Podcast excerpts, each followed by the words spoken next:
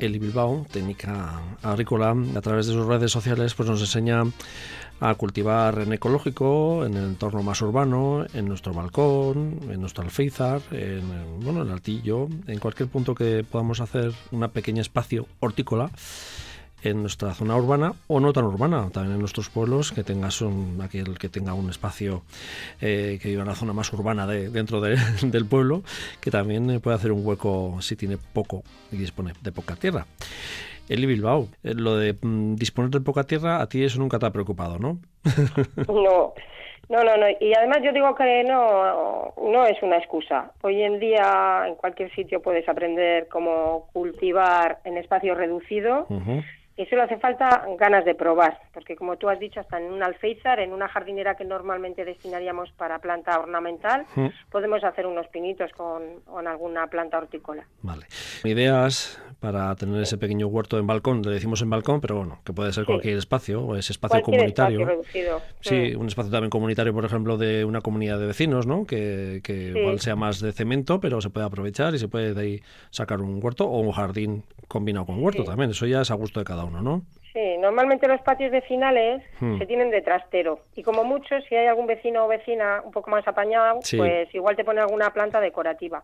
Y a mí me parece que están las cosas lo suficientemente difíciles como para aprovechar esos espacios para cultivar en contenedor algo que luego va a ir a la cazuela, que se pueda aprovechar, o incluso algún pequeño árbol frutal. Vamos a explicar para si algunos nos oyen por primera vez hablar con el libro, contenedor, cuando nos referimos a contenedor, pues puede ser cualquier tipo de recipiente, ¿no? Que pueda contener el sustrato para cultivar. que no piensen que sea el contenedor de la basura, por si acaso. Que también podría ser. Que también podría ser. En un momento alguien que recicle y hay algún ayuntamiento que bueno que no utilice esos eh, depósitos y oye, eso ya todo es eh, de asociaciones vecinales e imaginación el poder. Bueno, además a mí me parece que la gente que se va a acercar por, primera vez a estos cultivos en contenedor lo contrario a lo que se piensa, que igual es un momento más triste para, para cultivar, pues a mí me parece que sería el mejor momento para estos, estos agricultores nobles de, balcón, porque al no hacer tanto calor, las temidas plagas y los hongos van a estar mucho más contenidos y nos van a atacar menos, con lo cual los sustos van a ser menores. Y también el tema del riego, que al principio también da mucho miedo, porque no sabes cómo hacerlo, pues como es algo que tenemos en el exterior, muchas veces no vamos a tener ni que regar. Vale. Claro, eh, en esta época hay que poner unas hortalizas que estén más adecuadas a este tiempo. Sí, pero bueno, hay una lista maja, ¿eh? porque pues, tenemos desde los canónigos para nuestras ensaladitas, mm. la rúcula o, o las eh, escarolas ahora llegan las Navidades y hay que tener escarolas en la mesa. Sí, para después de comer un buen plato viene bien, sí, sí. Para acompañar los corderos y estas cosas. Sí, sí. Y luego también podríamos poner unas plantas de habas o de guisantes, el puerro, las berzas, zanahorias. O sea, tenemos una gama ahí con la que jugar. Vale y para los que empiezan, pues para, para, para conocer un poco, ¿no? Y hacerse la idea poco a poco de... Y para que le pierdan el, miedo, a tener a tenerla ahí la planta. Hay gente que también opta por las aromáticas, por, aquello de tener, dice, bueno, igual tengo huerta en casa, dice, pero prefiero tener unos, como antiguamente había ese, siempre ese, ¿no? Esa lata de, perejil, o esa maceta de perejil ahí suelta en casa, ¿no? pero ahora... muchos empiezan con las aromáticas porque las aromáticas culinarias pues las tienen como la, en el botaguas de, o en el balconcito y luego echan mano pues para, para cocinar, para eh, condimentar sus platos. También hay quien las asocia a estos huestos de, de balcón o de contenedor para el tema de las plagas, para que no se te acerquen como repelentes de las plagas. Lo único que tienen que saber es que ahora estas plantas normalmente y sobre todo en contenedor son bastante frioleras. Y sería más adecuado meterlas en el interior, no cerca del fuego de la cocina ni de las calefacciones, porque entre 13 y 24 también, pero no con el calor muy directo. Vale, si tenemos una terraza acristalada lo tenemos más fácil, por ejemplo, y si tenemos un buen eh, cobijo también, que hay balcones que tienen mucha, ¿no? Pues cuanto más los retiras más hacia adentro. los juntas, los puedes arrimar, juntar entre sí, como que se abracen entre sí, y, tapar con un plástico agujereadito que le haga un, tema como si fuese un túnel. Sí, estas mantas que también existen ahora, ¿no? Mantas térmicas también que le llaman. Pero bueno, con un, con un plástico que tengamos en casa, que sea transparente y que agujeremos para que pueda respirar la planta, Eso es. sobra. Bien. Bueno, ¿qué factores tenemos que tener en cuenta para tener un pues cultivo de berzas, canónigos? Sí, para cualquier tipo de cultivo en un contenedor, en estas macetas, ¿eh? hay que tener claros unos factores, ¿no? Porque mm, aunque decimos que es una agricultura en miniatura, eh, también eh, tiene su propia personalidad, vamos a decir. Por ejemplo, como la vas a tener metida en un recipiente, en un contenedor, va a tener menos espacio para desarrollarse las raíces.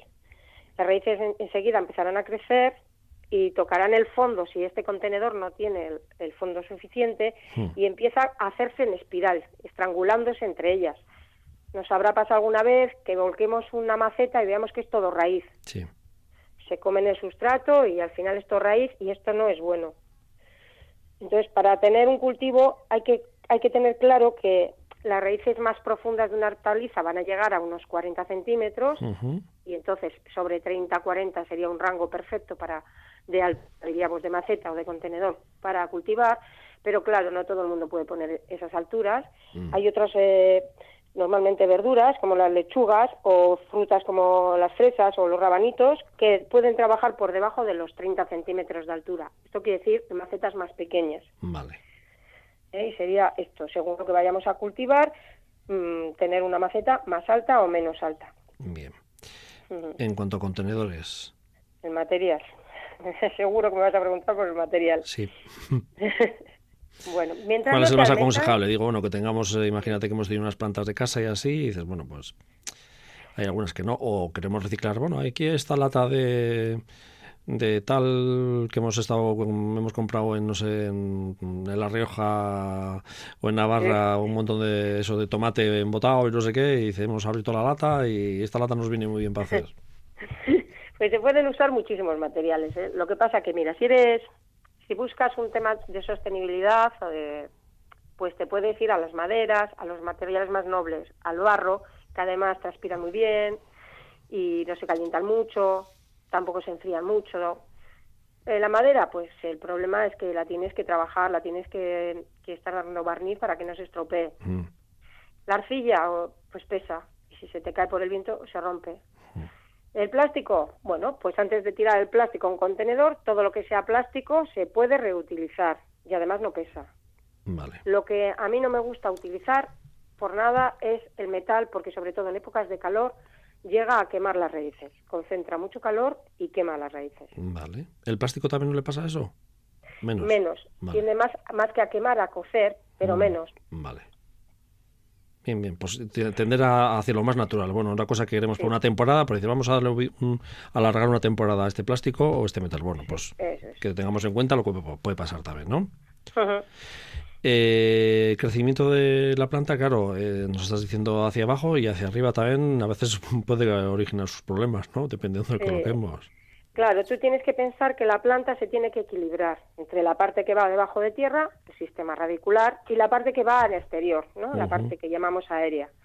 Si la parte radicular hemos dicho que va a estar sometida al estrés porque va a llegar un momento que no va a poder crecer más, que va a encontrar paredes, o, pues entonces nosotros tendremos que equilibrar la altura. Cuando estimemos que está más o menos equilibrado y que ya, por ejemplo, en el caso de las tomateras o de las habas, ya tiene un tamaño en el que ya está empezando a tener una producción, en vez de dejar que se vaya de madre, que siga creciendo, le damos un pinzamiento arriba para que esté equilibrada la parte de arriba. Una especie de poda en verde, ¿no? Sí, simplemente cuando ya ha cogido una altura dices hasta aquí hemos llegado. Hmm. Y ahí le pegas un corte para que de crecer crezca lo ancho y también luego le iremos recortando. Es mantener equilibrada la parte aérea con la parte eh, radicular, con la raíz. Hmm. Y no hay una medida estándar, es un poquito a ojo. Vale. Bueno, luego también es importante, si tenemos, por ejemplo, puestos delante de la ventana en la alféizar de tu casa, pues evidentemente, depende de qué tipo de planta, pues hay que darle un pinzamiento de esos, ¿no? Sí, pero por ejemplo, si tú vas a cultivar, quieres cultivar tomates en el alféizar de tu ventana, pues yo te diría, vete a un tomate de mata baja o a un cherry. Eso es que se va a equilibrar con el tipo de contenedor que la vas a tener. O ahora unas lechuguitas o unas escarolas, por ejemplo, ¿no? Sí. de todas maneras, del tamaño. Cada vez están sacando más semilla de planta, incluso en algunos sitios plantel baby. Que son esto que ahora usan los, las nuevas cocinas, que el fruto que dan ya es en, miniatura y la planta también es pequeña. Vale. ¿Tenemos menos tierra? ¿Eso quiere decir que hay que echarle más agua, menos agua? El problema es que al tenerlo en un contenedor en el que tú tienes abajo un agujerito para que drene bien, para que mm. no se nos encharque y se pudra la raíz y se ahogue la raíz, pues cada vez que se riega o que llueve, si no controlamos bien el riego sobre todo, pues el agua sale por el agujerito pero arrastra el alimento. Estamos mm. teniendo una pérdida de alimento también. Entonces, los riegos que los que los vamos a dar nosotras, pues contenerlos ver que la planta está bien y no hace falta seguir regando. De hecho, no haría falta que saliese el agua por el drenaje de abajo para hmm. estar bien regada la planta. Dicen, de hecho, que el mejor mm, drenaje es el de sudación o el de goteo, que es muy poca cantidad. Y en cuanto a la lluvia, no podemos hacer nada, está en el exterior. Pues después de una temporada de mucho agua, sabemos que le tenemos que aportar algo de comida. Vale. Claro, también porque pierde bastante materia orgánica, ¿no? No, solo, no suele pasar mucho. Bueno, con las plantas decorativas también, de ornamentación también pasa eso. te, va, te, va, te va limpiando, te va barriendo toda la capa de nutrientes, se la va mm. llevando con el agua. Y la planta al final se queda con hambre. Y luego también tenemos otra tendencia, ¿no? Sobre todo los principiantes y, no los no principiantes, que a veces como que queremos que en una maceta pueden entrar mmm, seis lechugas y dices, no, aquí con dos o con una va que chuta. Eso es, hay que mirar también que no sean unas plantaciones muy densas, sobre todo porque somos novatos y, no sabemos trabajar con estas plantaciones densas. Tirar hacia, lo, hacia menos, ¿no? Hacia lo bajo, siempre sin pasarnos. al principio tirar hacia, hacia extender más la distancia entre una planta y otra, lo que se viene llamando los marcos de plantación, que normalmente ya existen para cada hortaliza, pero bueno, como como estamos empezando, simplemente separar. Nos evitaremos heridas entre ellas, pues cuando hay fuertes vientos y se chocan. También haremos que haya más ventilación entre ellas, evitando así que los hongos proliferen. Y tendremos mejores cosechas, lógicamente, porque cuando el plato se divide entre menos, a más toca. Eh, que una planta esté en un contenedor, eh, por ejemplo, los cambios de temperatura se van a notar más, o sea, cuando hace más frío, más frío, el calor, más calor, o no sé, o es... Sí, sí. Sí, se nota, sí, se nota bastante más. Por eso no es bueno ni los días de mucho calor, porque al final lo que se hace es tener una gran pérdida de oxígeno y de agua por la, la evaporación. Mm. Y luego también podemos conseguir que se haga ahí como un lecho de humedad, que volvemos a hablar de, los hongos, que son peligrosos. Claro. Y, a la contra, cuando hace frío, pues, enseguida desciende. Date cuenta que la tierra, el sustrato es muy, poca cantidad y es el que varía rápidamente con los cambios de temperatura. Lo mismo, cuando hace mucho frío, intentar agrupar las plantas, si no es posible, protegerlas con un plástico para que hagamos este efecto contenedor. Y bueno, pues cuando hace calor, estas mínimas distancias que hay entre las plantas o trabajándolas, quitándoles hojas de abajo para que circule mucho más eh, el aire y se refresque, pues mantendremos el cultivo bastante sano. Eli, si decimos, bueno, vamos a poner en marcha nuestro pequeñito huerto urbano, en macetas, en cualquier tipo de contenedor que podamos pensar. Eh, también, eh, bueno, si uno piensa en unas lechugas, unas escarolas, por ejemplo, digo que también son como fáciles de, que se cultiven. También, por ejemplo, yo que sé, los canónigos o este tipo de rúculas. También, pues, hay gente que puede aprovechar como en brotes, ¿no? También, o sea, que es, que es alternativa también, ¿no? Bueno, pero el cultivo de brotes es mucho más sencillo. Más ¿eh? sencillo, por eso digo, ¿no? sí, sí. Eso se puede hacer hasta dentro de nuestras propias casas. También. Sí, porque al final lo que estamos es trabajando como los germinados. Y lo único que tú tienes que hacer, bueno, eh, es humedecer la semilla, lavarla, escurrirla, vuelta al día siguiente y lo que estás provocando es que se rompa la semilla y empiece a salir la planta, que empieza a germinar. En ese hmm. momento pararíamos y para la ensalada. Vale, así tal cual, no hace falta, no en tierra.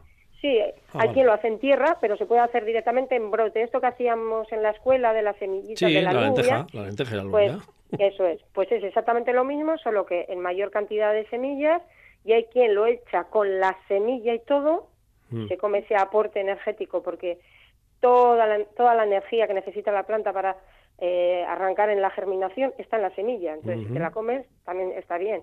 Y hay quien las corta y se come solamente lo que sería el brote, pues una ensalada, o bueno, como quiera comer. Vale, bien, no, no, está muy bien. Yo pensaba que también había esta técnica, pero eh, también se puede hacer en estilo, pero nos lo han hecho mucho más sencillo y mucho mejor. Es muy sencillo. Y más cómodo. También para, para en kit, también para hacer en casa, que pones en una bandejita extendidas, en una bandejita que te viene en un kit, extendidas las semillas con una rejilla y cuando germina esa semilla sale la, la parte aérea por la rejilla y luego abajo cortarías todo lo que es semilla, que no te, pues por lo que sea no te interesa y te queda solo con el germinado, con la parte de arriba. Lavar y vuelta a otra tanda. Y vuelta y otra tanda, pues muy bien. Sí, tanto para los que ya saben de estos temas como para los que van a empezar ahora, una vez que se germina la semilla que sembremos o una vez de que metamos nuestro plantel en la tierra, hay que empezar a dar tratamientos preventivos para las futuras plagas y para los futuros hongos. Sí, en ecológico. Sí, yo trabajo en ecológico mm. y hay una serie de caldos caseros que se pueden elaborar en casa con plantas que, que, encontremos o que incluso se compran en herboristerías ya secas o incluso con productos que tenemos en casa como el ajo, la cebolla, la manzanilla que sobre todo para estos huertos de pequeñas dimensiones son muy fáciles de elaborar. Sí, muy fácil, sencillo, ¿no? Y nadie nos, nadie nos va a quitar que nos visiten las plagas y nos visiten los hongos, pero sí que lo van a hacer, son como la vacuna, que aunque se coge la enfermedad es mucho más suave, pues esto será igual. Aunque venga la plaga, la, la planta estará más fortalecida para aguantar el tirón y vendrá y, será más, más pequeña el ataque, menor el ataque. Bueno, esos caldos preventivos que hemos hablado en algún momento también aquí en este programa. En mi blog los van a encontrar porque suelo meter cada cierto tiempo una tanda de ellos para que la gente elija. Tienen que meter el huerto de eli.wordpress con w wordpress.com. Eli Bilbao, técnica agrícola, es que recasco. Y hasta la siguiente vez. Bye.